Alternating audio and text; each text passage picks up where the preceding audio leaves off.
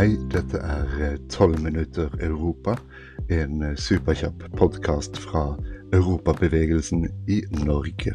Her kommer vi til å invitere fagfolk og menigfolk, inkludert Europabevegelsens egne tillitsvalgte, til å gi sitt besyv på Europa og Norges plass i det europeiske fellesskapet, med hovedvekt på ett bestemt tema om gangen. God fornøyelse. Velkommen til den andre episoden av 12 minutter Europa, som nå er tilgjengelig på Spotify, Apple Podcasts og Google Podcasts. Dette er Jarle Petterson. Vi befinner oss på Europabevegelsens lagssamling i Oslo, der tillitsvalgte fra hele landet satte hverandre i stevne 10. og 11. juni. Siden vi bare har tolv minutter på oss, er det bare å sveive i gang. Så vi benytter anledningen til å få noen ord fra Europabevegelsens leder Heidi Nordby Lunde. Og Heidi, vi aner jo at det begynner å røre litt på seg i folkemeningen. Men Tror du det ligger an til en debatt som etter hvert kan munne ut i en norsk søknad om EU-medlemskap, eller en folkeavstemning over saken? Altså jeg tror at nå som vi har fått to europapositive partier, eh, Venstre og MDG, som kan være en game changer i den debatten, og evne å løfte europadebatten opp fra disse grøftene som vi har hatt siden 72 og 94, bredde den ut og få den til å handle om noe mer enn det vi tradisjonelt diskuterer eh, når det gjelder EU, så, så har jeg veldig sterk tro på at vi nå klarer oss å bygge organisasjon, bygge en bevegelse og ikke minst bygge en europasak som gjør at vi kan gå inn og begynne å seriøst diskutere medlemskap igjen. Mm. I, I, forbindelse med Russlands krigføring i Ukraina har EU spilt sin eh, kanskje viktigste rolle på lenge, som igjen har eh, reaktualisert den hjemlige EU-debatten. Men trenger vi virkelig et sikkerhetsnett utover Nato? Ja, Vi må huske på at Nato er en forsvarsallianse. Eh, så med mindre eh, de blir angrepet, så vil jo ikke de eh, gjøre noe i forbindelse med, med, Russland.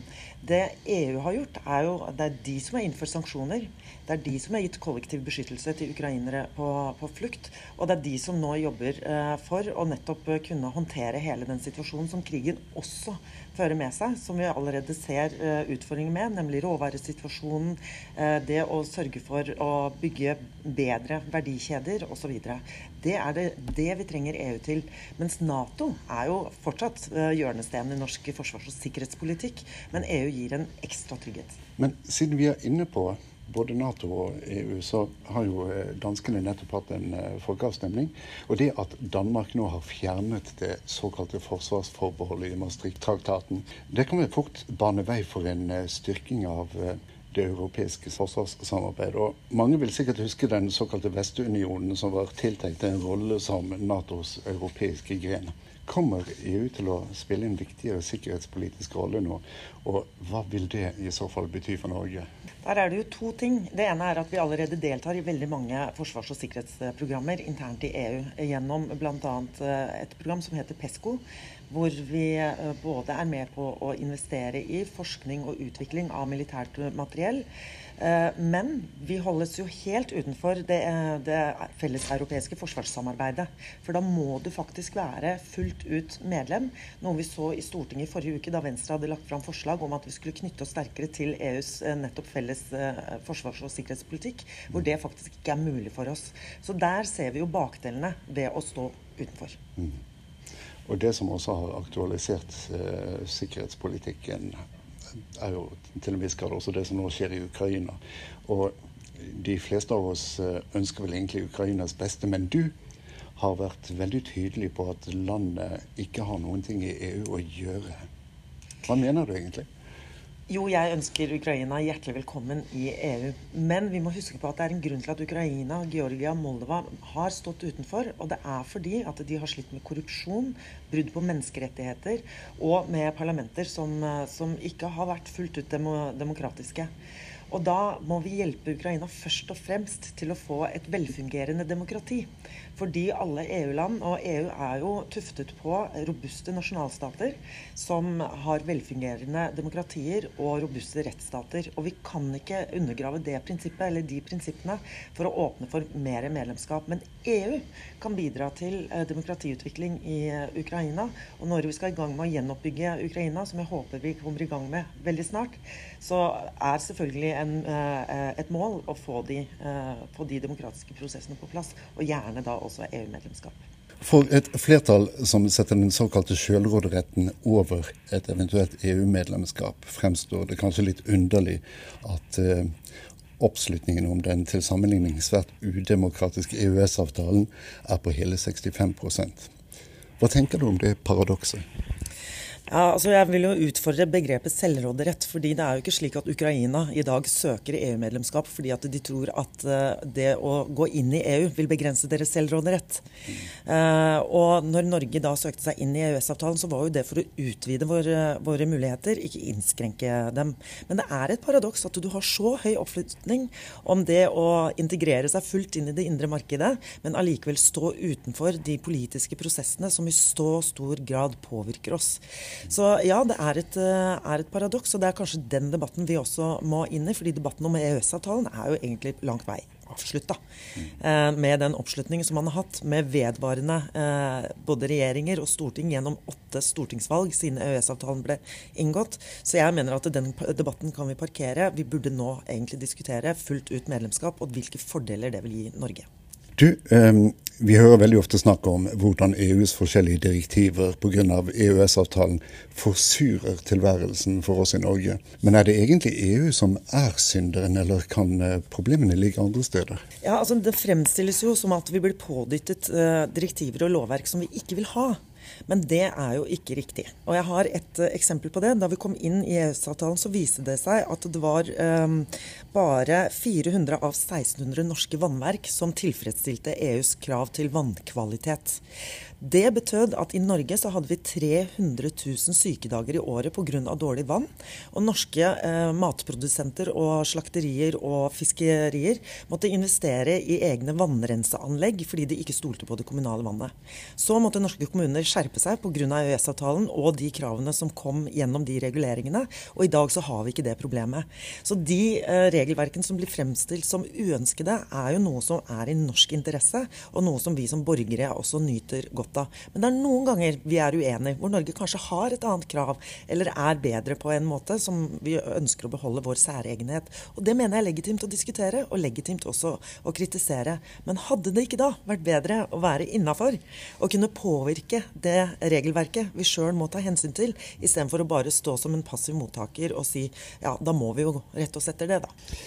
Eh, det er, en, eh, det er en ganske utbredt oppfatning at EU eh, e hovedsakelig taler kapitalens sak på bekostning av forbrukerne.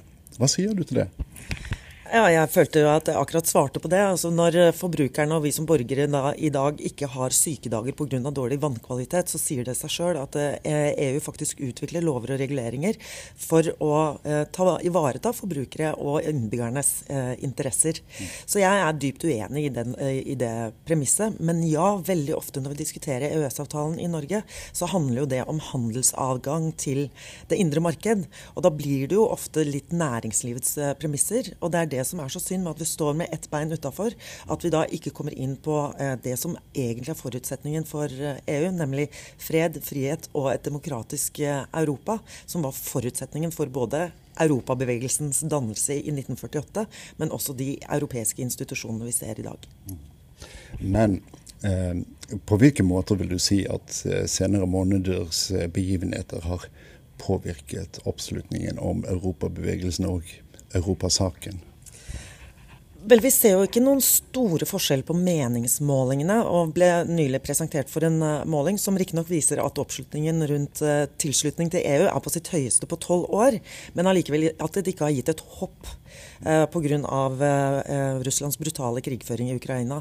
Men jeg ønsker jo heller den uh, litt langsiktige tilslutningen til EU-medlemskap enn et sånn tilfeldig hopp pga. én hendelse. For vi står overfor så mange store utfordringer som vi må samarbeide overnasjonalt om, som f.eks. klimakrisen. Vi ser eh, krigen i Ukraina. Vi ser flere utfordringer som må håndteres eh, gjennom internasjonalt samarbeid. Og da syns jeg egentlig Martin Sandbu i Financial Times hadde et veldig godt ord, nemlig at vi burde benytte muligheten til samråderett. Komme sammen i fellesskap for å ta gode beslutninger på vegne av eh, befolkningen i Europa. Og det er kun EU som har det. Ellers noe du syns det har vært verdt å ta med seg fra denne lagsamlingen? For det første så har det vært utrolig god stemning. Eh, og vi ser nå at europabevegelsen begynner å få en selvtillit, og ønsker nå å gå i gang med europadebatt lokalt og over hele Norge. Og så er det jo en trist bakgrunn for at vi nå har hatt en medlemsvekst hvor vi har fått over 800 nye medlemmer på veldig kort tid. Og det er jo selvfølgelig med bakteppet av nettopp eh, Putins invasjon av Ukraina. Men vi må jo bruke eh, den muligheten til å bygge organisasjonen, bygge lagene våre, til å gå ut og nettopp begynne å diskutere fullt ut medlemskap i det demokratiske fellesskapet som Norge burde være en naturlig del av. Så jeg er egentlig, Min mann pleier å si at når jeg kommer hjem etter å ha snakket om EU eller vært på lagsamling, så virker jeg som et mer harmonisk og bedre menneske. Så eh, jeg får takke for helgens terapi. Eh, men jeg ser veldig positivt og lyst på framtida til europabevegelsen og til lagene våre. Og nå skal vi ut og gjøre det vi er eh, skapt for. Men husk igjen, europabevegelsen er ikke egentlig en kampbevegelse for EU. Men uh, vårt mål har hele tiden vært et fredelig, fritt og demokratisk Europa, hvor det er målet, men EU er virkemidlet for å nå det målet. Tusen takk, Heidi Nordby Lunde. Og eh, tusen takk til deg som hørte på. Tolv minutter Europa kommer eh, tilbake med i alle fall én episode før sommerferien. Vi snakkes da, og i mellomtiden ha en nydelig europasommer.